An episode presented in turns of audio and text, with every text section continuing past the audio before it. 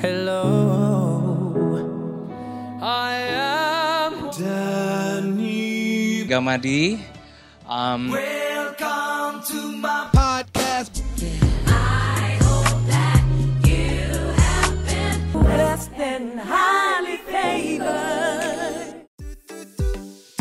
Hello, welcome to podcast series Finding Your Life Calling. Ini adalah podcast lanjutan dari sesi yang kemarin kita sudah bahas dengan sangat nikmat bersama Pastor Pierre Roland. Yeay! Welcome back. Gua lu lu. Amazon dong. Iya, nakutin ya. Mohon maaf, mohon maaf. Oke guys, kita lanjutin guys. kita maksudnya bener Kak, ma- I mean I mean like this, you know. Kebanyakan kita hidup kan dengan point of view melulu gitu loh. Menurut gue, menurut gue, menurut gue. Nggak, karena nggak nggak selalu menurut gue gitu, tapi back to Bible dong. Apa yang Tuhan mau dong? Apa yang Tuhan mau kerjain? Apa yang, apa yang Tuhan buka pintunya? Kenapa sih kita harus maksa pengen sesuatu yang kayak orang lain gitu loh? Kenapa nggak lu tekunin sekarang? Mungkin lu jualan tempe sekarang, tapi ternyata lu jadi master tempe. Nggak enaknya lu nggak tahu kan? Lu lu lu nggak tahu kan? Nggak tahu kan, Mr. Denny? ada lo itu itunya. Jadi di Hong Kong itu ada satu anak. Ini beneran. Oh, ini true story nih ya? This is a true story, oke? Dia kerja di Hong Kong, di hire sama satu company, sama satu company anak gereja juga. Tahu nggak kerjanya apa? Enggak. Master tempe. He's the best dalam bikin tempe. Oh man, can you imagine di Hong Kong semua pebisnis banyak bisnismen, bos, bos CEO segala macam yang orang-orang tapi master tempe lu bisa hitung pakai jari, bro. Gajinya oke lagi di hire tuh nggak sampai ke luar negeri hanya untuk jadi seorang eh, pengamat tempe. Oh.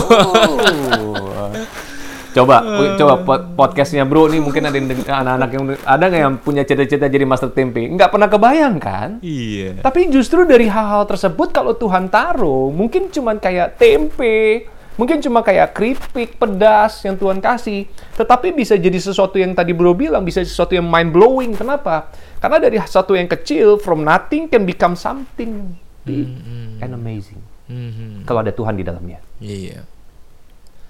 Pertanyaan gue gini, Pastor. Kalau kita ngomong from nothing to something, sering kali kan otak kita kan something yang secara dunia ini gede. Secara angka, ya, gue punya berapa rumah, Ma- angka makin gede makin bagus kan, nominal kan selalu gitu ya. Kenapa lu chose the path to be a pastor di Macau dengan audiens yang unik juga? Mungkin lu juga mau kasih tahu ke kita tentang audiensnya di sana gitu loh. Because people expecting something great uh, di mata dunia, nominally jumlah semua ngomong jumlah kan ya. Tapi your path is very unique. Why this Aku path? suka banget sih. Aku suka banget yang bro bilang itu. Aku duduk sama sahabatku dulu. Duduk ketika aku udah melayani di sana. Dan jujur bro, yang pertama kali kita layani dulu kita start dari sebuah menara doa kecil. Bukan sebuah gereja kok, dari sebuah menara doa kecil. Aku ini sebelumnya udah bantu-bantu pelayanan. Mhm. Dan kali ini akhirnya kita mulai church planting, jadi dari ground zero ya, gereja di di Macau, namanya Bethany International Church Macau, atau singkatannya Big Big Mac. Big Mac. Big oh Mac. iya iya iya. Iya. iya. bagus bagus bagus. It, it's it's more more tasty than the burger kok gitu pak itunya motonya Jadi bukan master tempe ini master burger. Iya, Master burger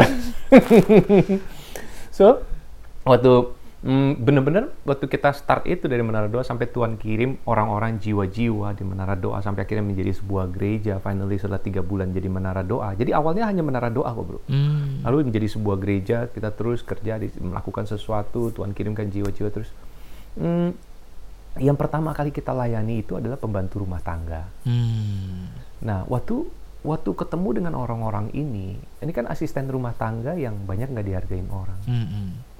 Mereka menjadi second level lah orang suka anggap jadi orang-orang yang nggak dilihat nggak dipandang lah. Iya. boro-boro bisa ngomong panjang lebar bahkan yang ada cuma disuruh-suruh kan Heeh. tetapi gimana kita bisa ngelayani mereka bukan hanya secara spiritual, secara jasmani artinya adalah apa? Kita ngebantu mereka, do with so many things, kita bikinin uh, uh, workshop, kita bikinin pelatihan, doing this and that, lakukan begitu banyak hal sampai tiba-tiba orang-orang yang tadinya mungkin dianggap dunia value-nya low atau nggak ada value-nya, tapi tiba-tiba menjadi orang-orang yang kompeten. Kenapa? Karena ternyata di dalam diri mereka semua itu, mereka adalah orang-orang pilihan Tuhan. Hmm. orang-orang yang mungkin gak dipandang sama dunia. Hmm. Tetapi ketika udah diaktifkan iman percayanya, tiba-tiba mereka menjadi orang-orang yang luar biasa. Bro nanti akan ketemu di sana misalnya ke sana ya. Orang-orang yang tadinya misalnya contohnya nggak bisa main musik tapi sekarang jadi mahir. Dari mulai lead keyboard apa pun orang-orang yang bisa ngajar orang yang bisa berdoa orang-orang yang bisa pegang alat-alat uh, shooting standar shooting loh buat Wow. live Production house-nya jalan terus sound- ya. Iya, dengan sound systemnya, Hmm. dengan kameranya, dengan live editing jadi sutradara, Wow. dengan wah. Wow. pokoknya bikin apa, eh, bikin outlet wartanya, semua segala. Hmm, Wah, it's crazy man gitu loh. Bagaimana Tuhan kasih tim yang from nothing. From Itu yang aku nol, bilang iya, iya, it's, iya. it's it's from nothing. Hmm, Karena buat dunia it's nothing, tetapi ternyata apa yang kita tabur kepada mereka, kita dijadikan Tuhan itu seorang petani atau seorang pekerja yang hanya mempekerjakan, yang hanya mengerjakan lahan, dan- lahan atau ladang yang milik tuannya. Mhm. Dan waktu kita konsisten, waktu kita mau, waktu kita pakai hati kita melakukannya, maka tumbuh menjadi sesuatu yang baik. Mhm. Nah, secara dunia tentu diprotes. Artinya adalah apa? Aku ketemuin kok dari awal. Tahun 2010 itu I give up my company. Hmm. Aku duduk meeting terus aku bilang aku kayaknya akan banyak lama di Makau jadi aku nggak banyak di sini lagi. Oh teman-temanku yang shareholder sama yang director pada bilang terus mau bikin apa bro di sana? Karena mereka tahu sebelumnya kita kan jual film juga bolak-balik juga kan ke luar negeri. Mau bikin satu stand up company lagi. Eh enggak sih aku bilang. Terus mau bikin apa? Aku mau bantuin eh, ini kayak non profit organization. Oh oke. Mau bikin apa katanya? Bikin gereja. diketawain bro diketawain maksudnya ketawa are you sure kata mereka Mhm. hmm, iya deh kayaknya dan itu yang aku bilang tadi passion itu membuat lu nggak bisa ngeliat ke belakang bro Maksudnya gimana waktu tuh? lu udah passion waktu tu- Tuhan udah tumbuhin sebuah passion di dalam diri lu ya. Lu akan punya satu api yang membuat mata lu hanya memandang ke depan. Hmm. lu convince banget dengan apa yang lo lakuin padahal lu tahu nggak ada support dari kanan kiri. Yap, yap, yap. tetapi tetapi lu punya confidence yang tinggi bukan confidence yang biasa-biasa ya Iya. bukan. Karena tadi kan udah ngelewatin satu satu sisi dari mimpi jadi desire desire becoming a passion dari kemauan doang menjadi sebuah hasrat. Hasrat itu tuh kayak sesuatu yang kayak dorong dorong hati lu tuh untuk maju ngelangkah do not be afraid. Do something and you will see a great result. A- a- akhirnya akhirnya bener-bener bro itu itu itu kayak yang kepus like ya udah. Terus aku duduk dengan begitu banyak orang aku ceritain tentang pelayanan. Orang-orang tuh sampai teman-temanku yang dalam dalam dunia usaha dalam apa ya mereka bisa kayak ngeliat gitu ngeliat ke aku gini lu gitu sekarang. Terus dia bisa nanya ke istri aku gini lu bener bahagia bon? gitu. Ngerjain gitu maksudnya menurut dunia is, is nothing dan dan kalau aku ngelihat sekarang juga ke belakang aku cuma kayak mikir gini kok Tuhan aku bisa ya gitu ya tapi tau nggak Tuhan bicara bro Mhm. sama aku melalui sebuah visi yang Tuhan kasih untuk gereja ini. Mhm. Waktu akhirnya kami mulai church planting, Tuhan tuh kasih kasih logonya recycle. Oke, ya, ya, ya. Bro tau logonya recycle kan yang Uh-huh. panah ke bawah, ke samping terus ke atas muter, gitu, yang iya. keliling gitu kan, pan yang muter gitu kan. Hmm. Nah, Tuhan tuh bicara tentang VIC Makau ini. Tuhan bicara gini. Hmm, di bagian atasnya dulu ya. Tuhan bicara tentang ini hatiku. Jadi ada hatinya Tuhan gitu di atas. Terus Tuhan bicara panahnya ke bawah, Mhm. panahnya ke bawah ke samping gitu ke bawah. Nih, kuberikan kepadamu. Hmm. Terus lalu panahnya ke samping, Mhm. datar samping, supaya engkau dapat melayani sesamamu. Terus panahnya ke atas lagi, Heeh. supaya mereka dapat kembali kepadaku. Wow, wow. Dan waktu Tuhan bicara tentang bagaimana, simple bro, ternyata Tuhan cuma punya punya keinginan orang-orang kembali kepada Dia. That's it. Iya. Dan bro tau nggak? Yang di recycle itu, jadi itu itu jadi visi gereja kita, visi khusus gereja kita adalah recycle place for all nation, tempat daur ulang bagi segala bangsa. Hmm. Recycle, yang di recycle itu cuma sampah bro. Hmm, iya, iya, iya, iya. Yang di recycle itu, yang didaur ulang itu cuma barang-barang yang nggak berguna, Heeh. yang udah nggak dimauin sama orang-orang, Mhm. yang dilemparkan ke dalam tong sampah, yang disingkirkan di pinggir jalan. Dipandang aja juga enggak bro, Iya. dimauin juga enggak. Hmm. Tetapi ternyata apa? Waktu Tuhan recycle barang-barang ini, yaitu orang-orang ini, baik itu aku sendiri, baik itu juga orang-orang yang ada di dalam Big Mac. Lalu apa? Recycle, then that's becoming from nothing to be something. Wow, gile recycle.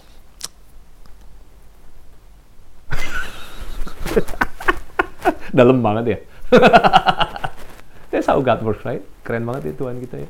Iya. Gue gue nggak bisa ngambil nggak ngambil apa-apa sih. Gue nggak bisa bilang bahwa it's is my work no.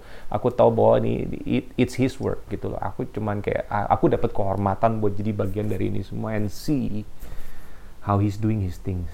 Keren banget dia. Nah, sekarang akhirnya dari mulai pelayanan tadi kita awali dari pembantu rumah tangga lalu growing akhirnya kita mulai ada family family muda Heeh. eh, banyak orang-orang ekspat istri-istrinya lalu terus abis itu masuk ke dalam eh, profesional-profesional orang-orang yang kerja Mm-mm. secara uh, banyak kan kan di sana kan hospitality bro Hmm. terus abis itu masuk lagi ke em, anak-anak kampus Oh. akhirnya ada anak kampus anak kampus tapi harus di sebrang ya karena di Makau nggak ada anak Mm-mm. Indonya jadi dari dari China jadi setiap hari Minggu mereka dari China nyebrang loh Oh. Wow, niat banget. En banget jalannya dua jam Wih, di di di di. niat mereka luar biasa makanya. Nah Tuhan Tuhan build this next generation people dan terus akhirnya mulai tahun 2019 kemarin kita mulai adopsi satu gereja gereja lain gereja bangsa lain kita mulai support oh, dan it's growing. Uh-uh. Tuhan pakai gereja itu jadi gereja Filipin sebenarnya terus Oh. sekarang growing luar biasa. Heeh. Lalu terus tahun ini mestinya kita juga naungin bantu untuk mensupport sebuah gereja lagi gereja eh, gereja Brazil. Oh. Kita hope deh supaya bisa growing juga ke depannya. Iya Wow, lah. wow, wow. Tuhan amazing ya. Iya, gua kaget loh. Maksudnya di gereja pun kan we look for stars like we like stardom. Kita lihat lu suka WL yang hebat dan keren dan suaranya bagus. Kita suka pengkhotbah yang sangat gaul. Kita suka orang-orang kaya di gereja kita yang duduk di depan dengan baju mahalnya. Hmm. Tapi lu nggak mulai dari situ, lu mulai dari recycle yang tadi itu loh dan um, wow, gimana ya? I'm speechless. Aku setuju sama Bro Denny tadi bilang gitu loh. Menurut aku kayak gini, Bro. Buat apa sih, Bro? Kita namanya udah jadi hamba Tuhan. Hmm. Masa mau jadi artis gitu. Kita mengartiskan diri kita dengan kebesarannya Tuhan. Hmm. Sementara yang artis aja mau jadi hamba Tuhan.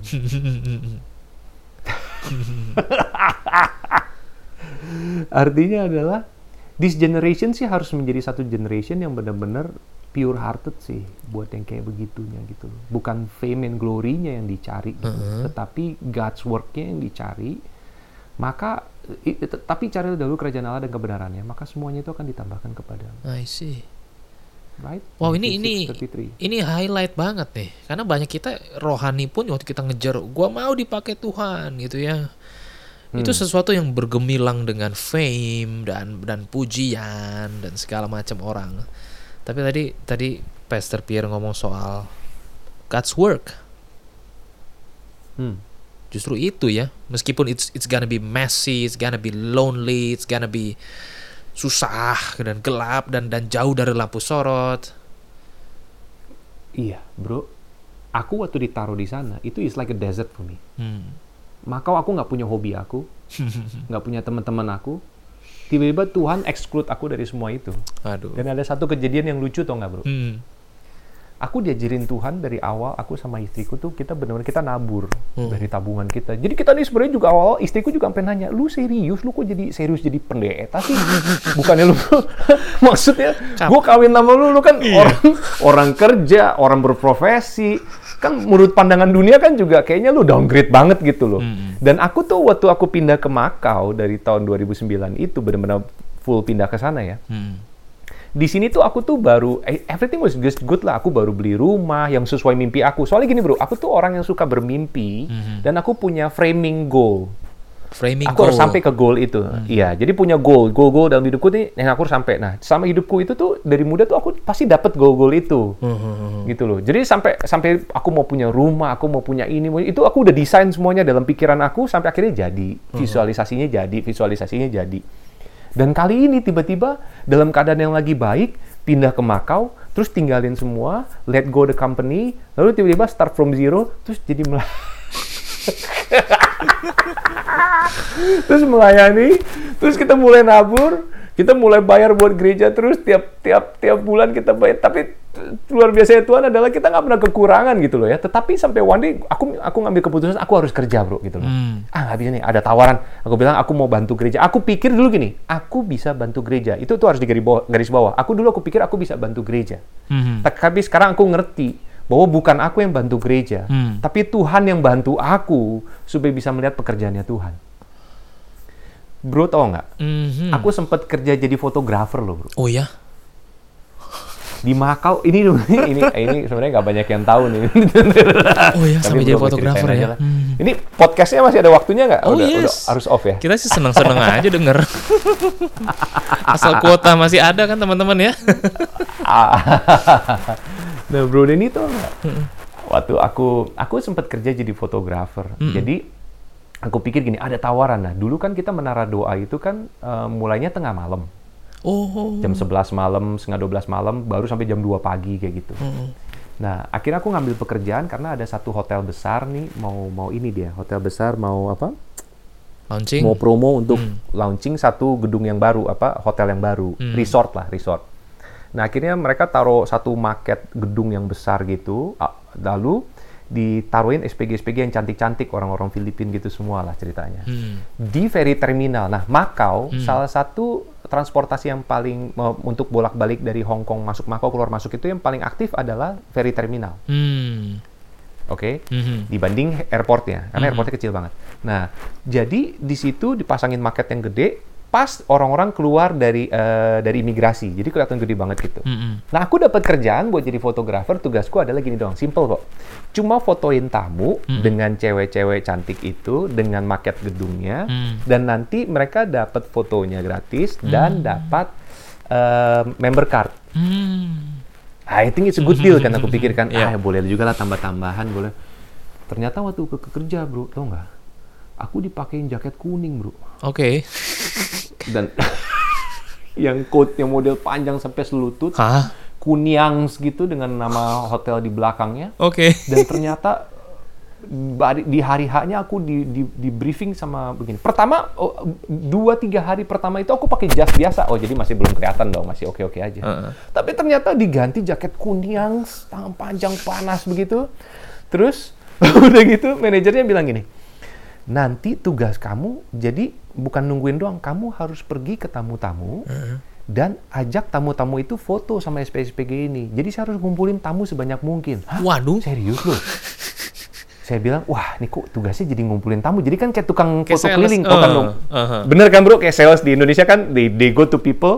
Dia nanya, boleh nggak pak? Boleh nggak gitu-gitu kan? Oh man. Berarti saya harus membujuk orang buat foto dong. Mhm. Saya mulai mikir-mikir, mulai mikir-mikir. Oh ya udah deh ya, ya udah deh. Kerjanya tuh dari jam 10 saya udah berangkat, jam 12, 12 siang sampai jam 10 malam bro. Ya ampun. Tiap hari kecuali hari Minggu. Karena saya bilang hari Minggu saya harus gereja nggak bisa. Itu tiap hari dan breaknya cuma 30 menit. Wow, tiap hari lagi. It's not just an Tiap event gitu ya. Nggak, jadi cu- jadi setiap hari. Dan tau nggak apa bro? Heeh. Ternyata waktu aku udah iyain, ternyata masa itu karena itu kan udah mau akhir tahun, itu adalah masa liburannya orang Indonesia. Hmm, oh man. no, it's not me. Saya bukan orang yang kamu pikir. udah kebayang nggak bro? Waduh. Udah kebayang sekarang? Oke, oke. Wah, itu pasti chaotic juga ya. Wah, teriak-teriak dan Aduh, aku udah halan ke orang-orang, aku bilang gini, ah sorry. Terus mereka bilang gini, eh ini ini kok mirip yang pemain film itu yang di Indonesia ya? dan bos lu orang-orang nggak tahu lagi ya. Nggak tahu, kan mereka nggak tahu bro. Iya, iya. Aduh bro, itu tiap hari aku kayak mau manggil orang, orang-orang Indonesia banyak banget dan mereka kayak yang, iya nih ini, ini." kadang-kadang mereka bilang gini, ih kok ini ya mirip banget ada yang gitu. Tapi kalau yang udah tahu gini, eh ini bukan ini, kamu ini kan? Oh iya iya tante, gitu. Kok jadi tukang foto? Dibilang gitu bro, jadi tukang foto. Waduh, itu aku fotoin orang-orang ya, tarik orang-orang. Aku tahu lah pandangannya orang-orang kan kalau di Indonesia kayaknya tukang foto keliling gitu kan ya udahlah mungkin bayar 10 ribu, 20 ribu gitu kan. Terus aku aku pikir lagi setiap break bro, 30 menit itu aku aku nangis tuh nggak?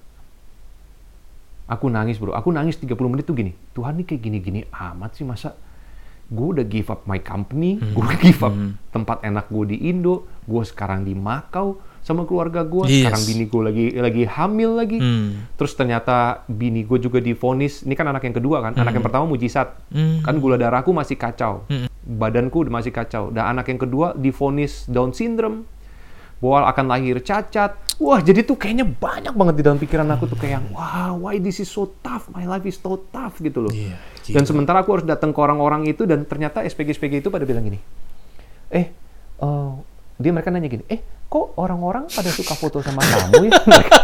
Kalah pamor mereka. mereka tanya, mereka tanya, apalagi yang TKI TKI kan.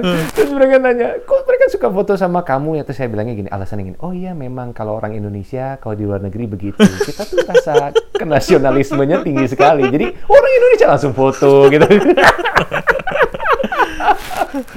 Aduh, nggak ngaku bro, nggak ngaku siapa segala macam. Aduh, bener-bener deh. Ah, dan dan you know what? Ada lagi bro Hmm. setiap hari Minggu selesai kan hari Senin aku harus kerja kan. Hmm. Aku udah standby dong dari siang itu di situ. Dan semua gereja-gereja di Makau, gereja Indonesia, itu kan gembalanya pasti dari Hong Kong. Hmm. Oh, dia terbang Jadi- di weekend doang gitu. Jadi di weekend doang mereka naik ferry doang nyebrang. Oh, naik iya. ferry Oh. nyebrang ke Makau. Kan karena cuma satu jam naik ferry. Hmm. Nah jadi hari Seninnya mereka diantar pulang dong dengan anak-anak gerejanya, lewatin Hmm. ferry terminal, menuju ke ferry. There you are. Iya, sementara aku dengan banana jacket itu tuh. dengan jaket warna kuning Itu mesti itu, dicari mereka- fotonya ya. aduh, iya. Dan mereka bilang, "Hey, Pastor Pierre, ngapain di sini?" kata. see. aku cuman kayak, "Halo, Pastor, kerja." Saya lagi kerja. Oh, you kerja? Iya. Wow. Dan you know what? Setelah lewatin setelah setelah lewatin akhir bulan gitu ya, Hmm. dapat gaji, gajinya cukup baik, bagus. Hmm. Dan istri nanya kan, gimana pak kamu udah dapat udah? Terus dapat berapa? Dapat sekian. Oh, terus kamu taruh mana? Ya udah. Udah apa? Mana? Uangnya ke mana? Hmm. Ya itu buat bayar gereja. Ouch. buat bayar sewa gereja. Iya. Gitu gitu terus bro. Aduh. Iya. Wow, ini cerita yang Tapi Tuhan lakukan mujizat. Hmm. Ya Tuhan lakukan mujizat sih bro. Tuhan lakukan mujizat di tahun yang sama juga di tahun 2010 itu. Aku ngeliat akhirnya anakku yang kedua yang dikatakan Down syndrome, Mm. dikatakan nggak bisa, udah mau dibuang sama dokternya. Kita bilang, kita bilang sama Tuhan, Tuhan eh, kan Tuhan kasih yang pertama, pasti Tuhan kasih yang kedua dan ternyata benar hamil yang kedua, tapi dinyatakan nggak perfect. Hmm. Kita ke Indonesia juga cek sama dokter, dokter bilang nggak perfect, akan lahir cacat. Tapi kita bukan yang nggak nerima dia, tapi kita terima apa adanya dia. Kita terima dengan hati, kita bilang gini, this is tough Tuhan, tapi aku mau terima. Hmm. Aku tahu Tuhan yang bikin aku kuat, bukan dengan kekuatanku sendiri. Hmm. Dan bro tau nggak, waktu hari haknya, waktu pas di tahun yang sama itu, lewati begitu banyak proses. Waktu lahiran, istriku disesar kan, malam sebelumnya, itu nggak ada dokternya yang pegang, cuma ada dokter jaga, dokter jaga ingetin lagi. Kamu siap ya buat besok, anak kamu akan lahir dengan tidak sempurna. Hmm. Terus kami bilang, yes, kami punya Tuhan. That's it. Hmm. Tapi malam hari itu, Tuhan bicara kepada aku, jelas banget firman Tuhan dalam Yohanes 15 ayat 26. Tuhan bicara bahwa dan waktunya akan tiba, penghibur itu akan datang, dan kau akan mengetahui bahwa aku menyertai engkau semenjak dari semula, Hmm. Hmm. dan kau akan bersaksi tentang aku. Dan besoknya, Hmm. waktu lahiran bro, istriku cuma pujian penyembahan di sesar, keluarin anak itu. Hmm. Dan dokter yang operasi adalah dokter yang nyuruh kan dibuang anak itu. Aduh. Hmm. Dan hasilnya adalah waktu udah dibersihin, dokter bilang, you know what, baru aja perawat kasih kode dengan dua jempol. Hmm. Artinya anakmu lahir dengan sempurna. Perfect. From nothing God is to be something. Iya. Wow, Tepuk tangan dulu dong. Haleluya bener. Haleluya. Gile, against-. Against against apa ya? Dokter kan nggak bohong dan for many times dia udah Enggak dong. convince gitu asli. Yes, bukan hanya dokter di Makau, tapi juga dokter di Indonesia udah sama ngomongnya. Aku pergi ke dokter-dokter yang bagus kok, dan mereka convince. Aku percaya dengan cara kerja dokter, mereka orang profesional, mereka Hmm, melakukan tugas mereka. tetapi ternyata Tuhan mau berkehendak lain dan Tuhan menyempurnakan yang tidak sempurna. Iya. Itulah kemenangan orang-orang yang mau setia. Hmm. Belajar setia sih, walaupun nggak gampang. Aduh. Meskipun Coba gue simpen tuh jaket kuning. mungkin bisa kibas. setelah podcast ini, iya, mungkin sebagai podcast ini buat hadiah buat yang dengerin. wow, what a journey. Iya, bro. Tuhan luar biasa sih, beneran. Hmm. Nah, aku aku mau bilang tadi apa yang bro bilang tadi. Mm-mm. Kenapa sih kok mau waktu orang nyarinya kan mestinya yang lebih wah, lebih fame, lebih kayaknya lebih eh, keren, lebih bagus. Aku bilang sih juga dengan aku cukup concern dengan generasi ini, generasi yang luar biasa. Kalau kita kita nih sebagai anak-anak Tuhan yang udah dipilih sebagai hamba Tuhan, nggak bisa jadi jembatan yang buat baik, yang yang baik, Hmm. Maka the next generation teman-teman yang lain ini bisa menjadi satu rebel generation Hmm. yang berpikir bahwa mereka lebih baik daripada generasi sebelumnya karena mereka melihat kekurangan daripada generasi sebelumnya. Mm-mm. Orang-orang yang nggak bisa appreciate apa yang udah dilakukan dengan bapak-bapak pendahulunya atau forefathers-nya Mhm. akan menjadi satu generation of rebels yang selalu berpikiran dia lebih baik dalam banyak hal padahal dengan kemajuan teknologi. Zaman sekarang banyak banget dari kita juga hamba Tuhan yang dites dengan banyaknya follower kita. Hmm. Kalau menurutku sih obvious bro, aku tahu gereja akan lari juga ke arah, ke arah media atau digital Mm-mm. pastinya. Tetapi juga sebagai hamba Tuhan kita harus tahu bahwa follower kita kan bukan jemaat kita juga.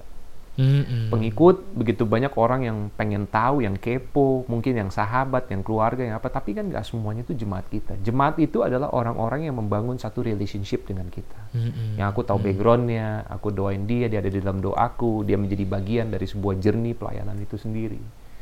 Itu sih menurut aku. Hmm. Jadi bagaimana supaya hari ini juga sebagai hamba-hamba Tuhan yang muda, kita tuh nggak silau dengan follower yang begitu banyak. Karena jempol banyak aja kayaknya udah bangga banget bro. Iya. Mm-mm. Apalagi udah kita ada di kanan kiri, kayaknya wah udah. Apalagi udah ada undangan setahun sebelumnya udah. Bener. Hmm, Bener. Iya, well, purification ya bro ya. Hmm. Wow, ini topik yang jarang dibahas ya. Iya. Akar di bawah itu yang gelap dan ya gila gitu sampai jadi fotografer. Who knows man? It's like we pray for greatness, tapi Tuhan bawa justru kepada lowliness ya. Iya. Gua ada penasaran benar-benar. satu. Mm-mm, mm-mm. Nyokap gimana reaksinya waktu tahu Pastor Bro itu mau jadi pastor? Nyokap nggak tahu. Hmm.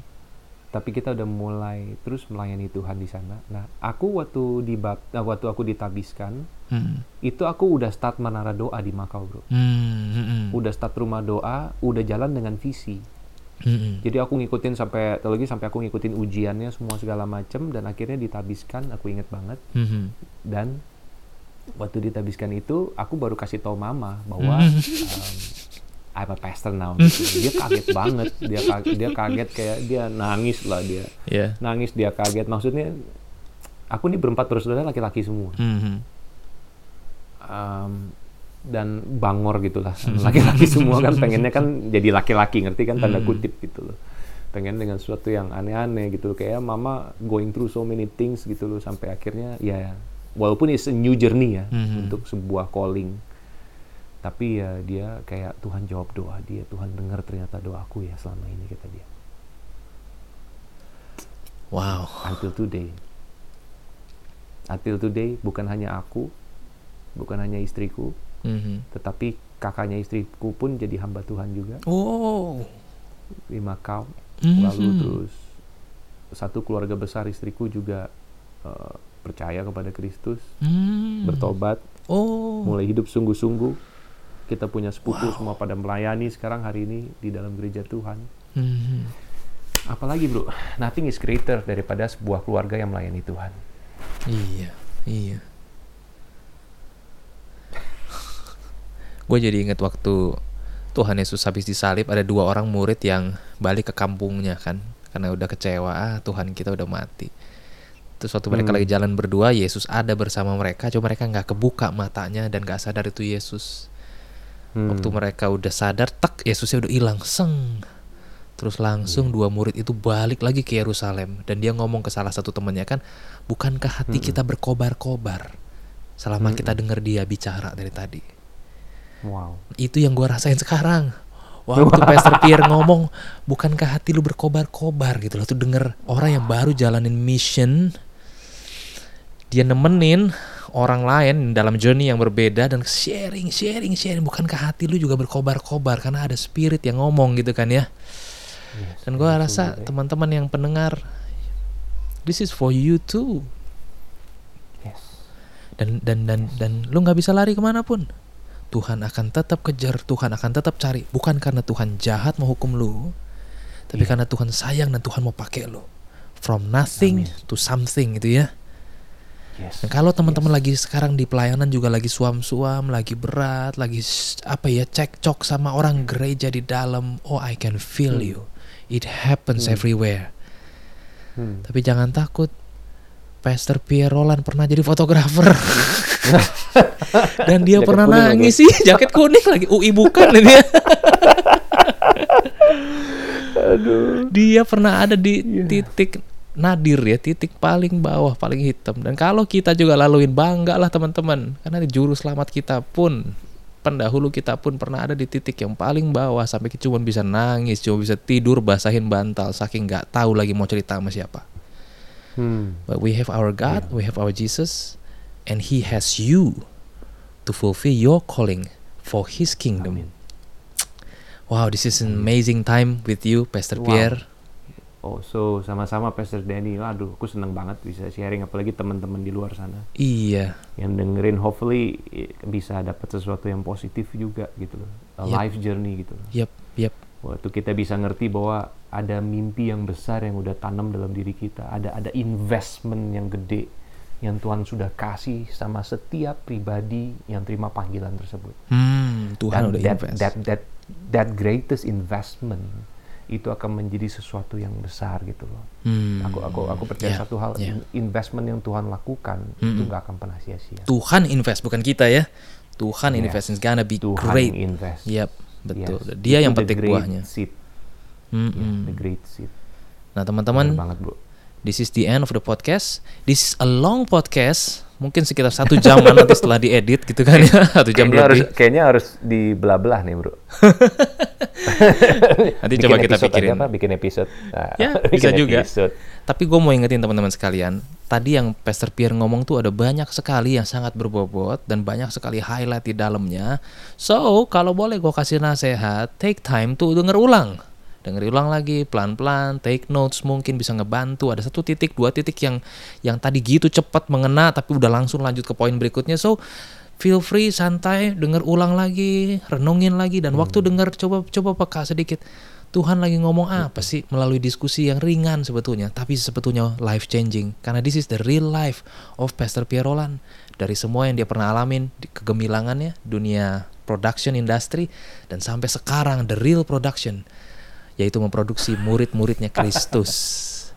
So, And it's not finished loh, Bro. Yep. It's not finished yet loh. it's not finished yet. I mean I mean like this. I mean like apa yang Tuhan sudah mulai, itu Tuhan akan akhiri dengan baik. Hmm. So aku juga punya satu mimpi yang belum berakhir. Justru aku punya mimpi-mimpi yang baru lagi. Aku punya eh, banyak hal yang Tuhan tanam, Tuhan tanamin dalam beberapa tahun terakhir ini. Contohnya juga buat generasi ini, buat planning ke depannya, buat e-church, buat media, buat begitu banyak hal eh, yang aku percaya uh, it's it's it's gonna be a blast bu- bukan karena karena karena kita bisa gitu loh, tapi karena kita mau ikuti panduannya aja gitu loh, prosesnya yang besar. Wow. Ada berapa hal sih yang aku mau mau sampein sama teman-teman yang di Nah, sini juga. yes, please, ideas ya. Aku mau ingetin, iya, eh, i- ideas aku mau kasih setelah ini, tetapi aku pertama-tama sebelum muncul semua ideas itu, Mm-mm. remember bahwa engkau harus mengerjakan segala sesuatu dengan detail. Detail. Be detail. Hmm. Be detail pertama. Kedua, be committed. Hmm. Harus ada committed, harus ada komitmen yang baik. Have a good communication. Artinya harus ada komunikasi yang baik. Baik itu kepada sekitarmu, baik itu kepada Tuhan terutama dari semuanya. Hmm. Lalu kemudian harus fully hearted, Hmm. sepenuh hati. Oh, lakukan seperti untuk Tuhan apa pun yang kamu lakukan, apa pun itu. pasti bisa menghasilkan menjadi sesuatu yang besar. Hmm. Dan ketahui bagaimana untuk bisa menghormati orang lain. Wow, oke. Men- Hmm. Mendahulukan Jarang ini. kepentingan orang. Hmm. Mendahulukan kepentingan orang lebih daripada kepentingan kita sendiri. Mhm. Dan ingat satu hal ya. No friends with benefits. Mhm. Jangan karena kita sekarang bisa berjejaring, jangan karena kita sekarang bisa punya teman-teman yang orang-orang kunci di sekitar kita. Mhm. Jangan coba untuk cari benefit dari orang-orang. Nah, itu dia. Banyak dari kita kita pikir waktu kita kenal si A, kenal si B, maka kita jalan kita lancar. Nanti dulu, hold back. Hmm. Banyak orang-orang juga ny- nyari jodoh kayak gitu. Gue cari nih orang yang paling tepat buat gue. Mungkin si A, mungkin si B. Mm-mm. Bukan gitu caranya. Justru jadikan diri Anda itu adalah orang yang paling tepat untuk orang lain. Mhm. You bring yang namanya tongkat estafet. Mhm. Anda bawa yang namanya api itu. Anda bawa yang namanya value itu. Waktu engkau ketemu dengan siapa pun orang itu, jangan coba cari keuntungan dari orang itu. Mhm. Tapi berbagilah sesuatu kepada mereka.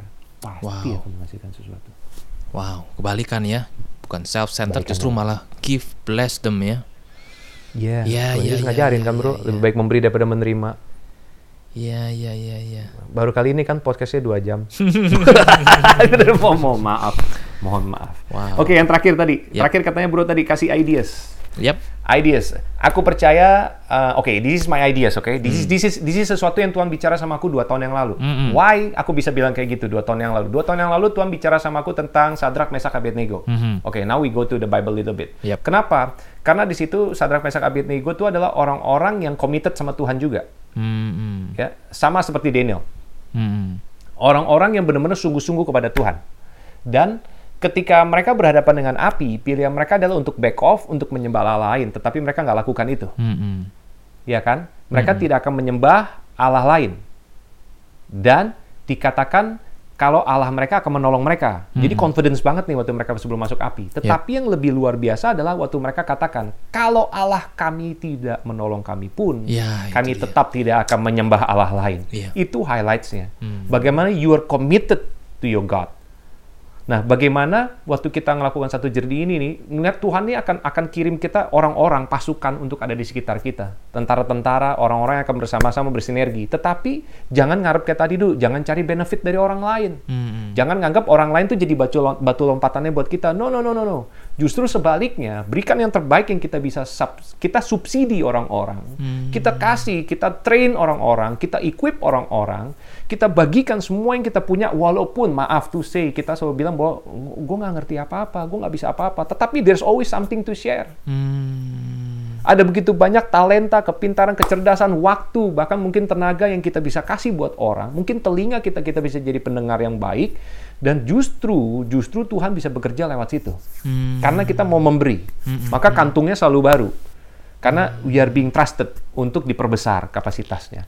Nah, Tuhan bicara sama aku beberapa tahun yang lalu itu tentang e-church. Mhm. Aku belum pernah bahas ini sama sekali, tapi aku udah bahas di beberapa kelas karena aku ngajar uh, tentang media. Hmm. Namanya fast moving package media. Uh, bagaimana sebuah gereja Tuhan itu masuk dalam satu era digital, era digital di mana gereja Tuhan ini nggak bisa menghindari yang namanya entertainment church. Mhm. Dulu generasi kita sebelumnya orang-orang agak against sama yang namanya e- entertainment church. Mhm. Tapi kalau kita sekarang pergi ke dalam gereja-gereja yang karismatik, bahkan juga gereja-gereja yang yang sudah mulai larinya jadi ke karismatik juga generasinya, artinya ada lighting, ada screen, ada teks, ada lagu, bahkan ada ada EDM, semua segala macam lah dengan begitu banyak hal kan gitu loh. Tiba-tiba gereja ini menjadi satu gereja yang high tech. Mhm. Mau nggak mau orang terhibur di dalamnya Mhm. dan menjadi entertainment church. Mhm. Apakah entertainment church salah? Tidak salah kalau menurut aku. Mhm. Kalau isinya tetap benar. Mhm. packaging itu harus sesuai dengan zaman sekali sulit kali kadang-kadang kita memisahkan antara packaging yang tua sama yang baru gitu kita mau mau tetap dengan gaya kita 90-an sampai akhirnya kita nggak bisa jangkau anak-anak muda di tahun 2000-an sekian Hmm. tetapi juga banyak kita pengen punya packaging tahun 2020 tetapi kontennya kita maaf tuh say kita udah sorry kita against forefathers kita Iya, iya, benar. Kayaknya banyak. Jadi kontra, Iya kontradiktif. Hmm. Kontra kita kontra kepada ini, kita bilang gereja yang dulu nggak bener, kita Sud, ntar dulu dong, jangan kayak gitu gitu loh. Justru play nice, play smart, be good, be nice. Lakukan apa yang menjadi panggilanmu, jangan menjadi satu orang yang kayak tadi, angkat batu buat orang lain. Hmm. Lucu nanti nanti kita dipermalukan sendiri. Nah untuk Iya. teman-teman anak-anak muda semua, aku bilang waktu Tuhan bicara tentang e-church, aku nggak tahu ya, aku aku mulai bicara waktu itu dengan kelas-kelas itu. Aku mulai ngajarin orang, tau nggak bro apa yang aku ajarin sama mereka? Simple. Bagaimana bikin promosi, bagaimana bikin konten, bagaimana bikin ngambil foto pakai handphone, terus bikinin dengan apps-apps yang simple, bagaimana untuk menghasilkan satu iklan yang menarik, eh, kayak gitu-gitu doang bro. Hmm. Itu dari orang-orang yang hanya tadinya kerja di rumah tangga, maaf yang tadi dibilang asisten rumah tangga doang, akhirnya jadi orang-orang yang biasa jadi bisa ngerjakan sesuatu dengan dengan konten mereka menjadi mulai dididik dengan benar. Wow. Mulai beralih dari dari situ terus jalan growing lewat medianya, lewat semuanya segala dan Tuhan bicara bahwa apa? Dalam 10 tahun ini eh, kemajuan teknologi akan gila-gilaan. Hmm. Sekarang bro lihat kan semua yang namanya VR, yang namanya augmented reality, yang Iya. namanya uh, you, you name it lah, E- everything is just moving so fast. Yep. Dan salah satunya adalah Facebook lah. Facebook is moving fast di mana-mana ada. Lu nyalain WhatsApp lu sekarang juga Instagram lu and then suddenly it's pop up their name. Nah, eh, bagaimana kita memanfaatkan situasi kayak begini? Artinya kayak begini, gini loh. Kalau kemajuan teknologi begitu maju, begitu cepat, lalu ke depannya nanti kita akan bisa melihat visualisasi sebuah gereja itu bukan cuma dengan fisik gedung. Tapi seperti yang kita lihat sekarang, ada YouTube, ada gereja di YouTube yang terbatas, tetapi cuma dua dimensi. Nanti one day akan menjadi tiga, tiga dimensi, udah sedikit, udah mulai sekarang. Tetapi lebih lagi dari itu, orang-orang mulai pagi bisa pakai VR dan bisa hadir di dalam ibadah-ibadah tersebut. Bagaimana bisa punya satu soaking room, di mana orang masuk dalam pujian penyembahan, di mana kita bisa gunakan teknologi yang ada benar-benar untuk bisa merasakan hadirat Tuhan. Hmm. Jadi kita berjalan ke dalam satu dimensi yang baru, di mana yang tadinya dipikir nggak mungkin. Aku waktu bicara kayak gini bro, masih sampai tahun lalu, itu is almost impossible. Tapi hari ini, Nah. hari ini, Yep.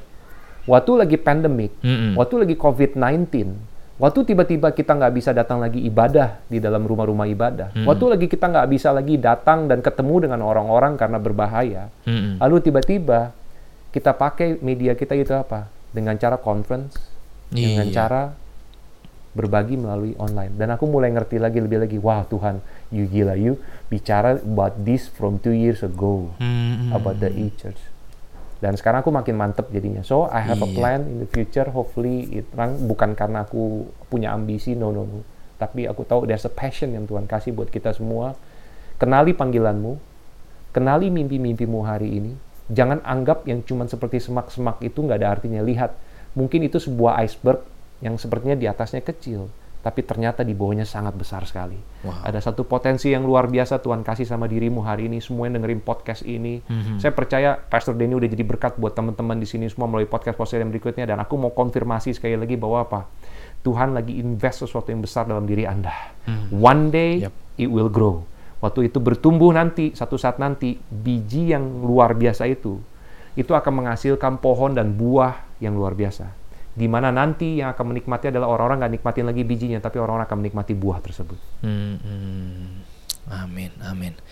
Dan future itu bisa jadi dekat. Nah, kita udah datang di new normal. Kita udah berubah sekarang kan ya. Many things has changed so rapidly. bro. ya. Hmm, hmm. Rapidly ngomong aja rap. Wow, wow, wow, wow. Thank you so much to Pastor Denny Waduh, buat terima kasih banyak. Gue yang terima kasih banyak. Mohon maaf kalau ada sepatah dua patah kata. Uh, kayaknya banyak banget tuh tadi. No, no, no, not at all, please. Thank you so much, Sina. Ah, aku mau juga mau bikin podcast ah. Mau oh wawancara iya, you. iya. Mau wawancara Pastor Denny. Jangan nanti menyesal. iya, wow, iya, iya. pasti banyak pelajaran ya dari hidup-hidup ini. Apalagi teman-teman yang dengerin nih pasti dengan teman-teman yang luar biasa semua lah. Aku, aku percaya. Ingat loh, jangan pernah memandang dirimu kecil. Tapi ketahuilah, there, there's something inside of you yang kamu belum pernah lihat. Nah. Firman Tuhan bilang bilang gini kok, roh di dalamku lebih besar daripada roh yang ada di dunia ini. Dalam nama Yesus, Hmm. Amin, engkau akan amin. lihat sesuatu yang Betul. besar dalam hidupmu. Aku bacain ayat boleh nggak? Yes. Oke, ini aku baca tadi, soalnya dalam Matius 23, Mm-mm. Matius 23 ayat 28 sampai 36 firman Tuhan bilang kayak begini oke demikian jugalah kamu di sebelah luar kamu tampaknya benar di mata orang tetapi di sebelah dalam kamu penuh kemunafikan dan kedurjanaan Celakalah kamu, hai ahli-ahli Taurat dan orang-orang Farisi. Hai kamu orang-orang munafik, sebab kamu membangun makam nabi-nabi dan memperindah tugu orang-orang salah, eh, saleh dan berkata, jika kami hidup di zaman nenek moyang kita, tentulah kami tidak ikut dengan mereka dalam pembunuhan nabi-nabi itu. Tetapi dengan demikian kamu bersaksi terhadap diri kamu sendiri bahwa kamu adalah keturunan pembunuh nabi-nabi itu. Jadi penuhilah juga takaran nenek moyangmu. Hai kamu ular-ular, hai kamu keturunan ular beludak, bagaimana mungkin kamu dapat meluputkan diri dari hukuman neraka? Sebab itu lihatlah, aku mengutus kepadamu nabi-nabi, orang-orang bijaksana, dan ahli-ahli Taurat. Separuh di antara mereka akan kamu bunuh dan kamu salibkan. Yang lain kamu akan sesah di rumah-rumah ibadatmu, dan kamu aniaya dari kota ke kota, supaya kamu menanggung akibat penumpahan darah orang yang tidak bersalah, mulai dari Habel orang benar itu, sampai kepada Zakaria anak Bare, eh, yang kamu bunuh di antara tempat kudus dan Mesbah. Aku berkata kepadamu, sesungguhnya semuanya ini akan ditanggung angkatan ini.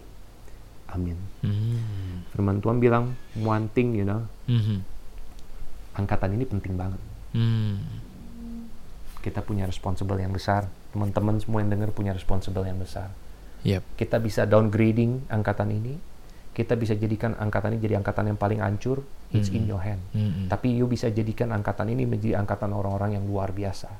To change the nation, to change the city, to change the community. Yes, betul. Thank you so much sekali lagi Pastor Pierre. Sama-sama Pastor Bro, Danny Gamadi.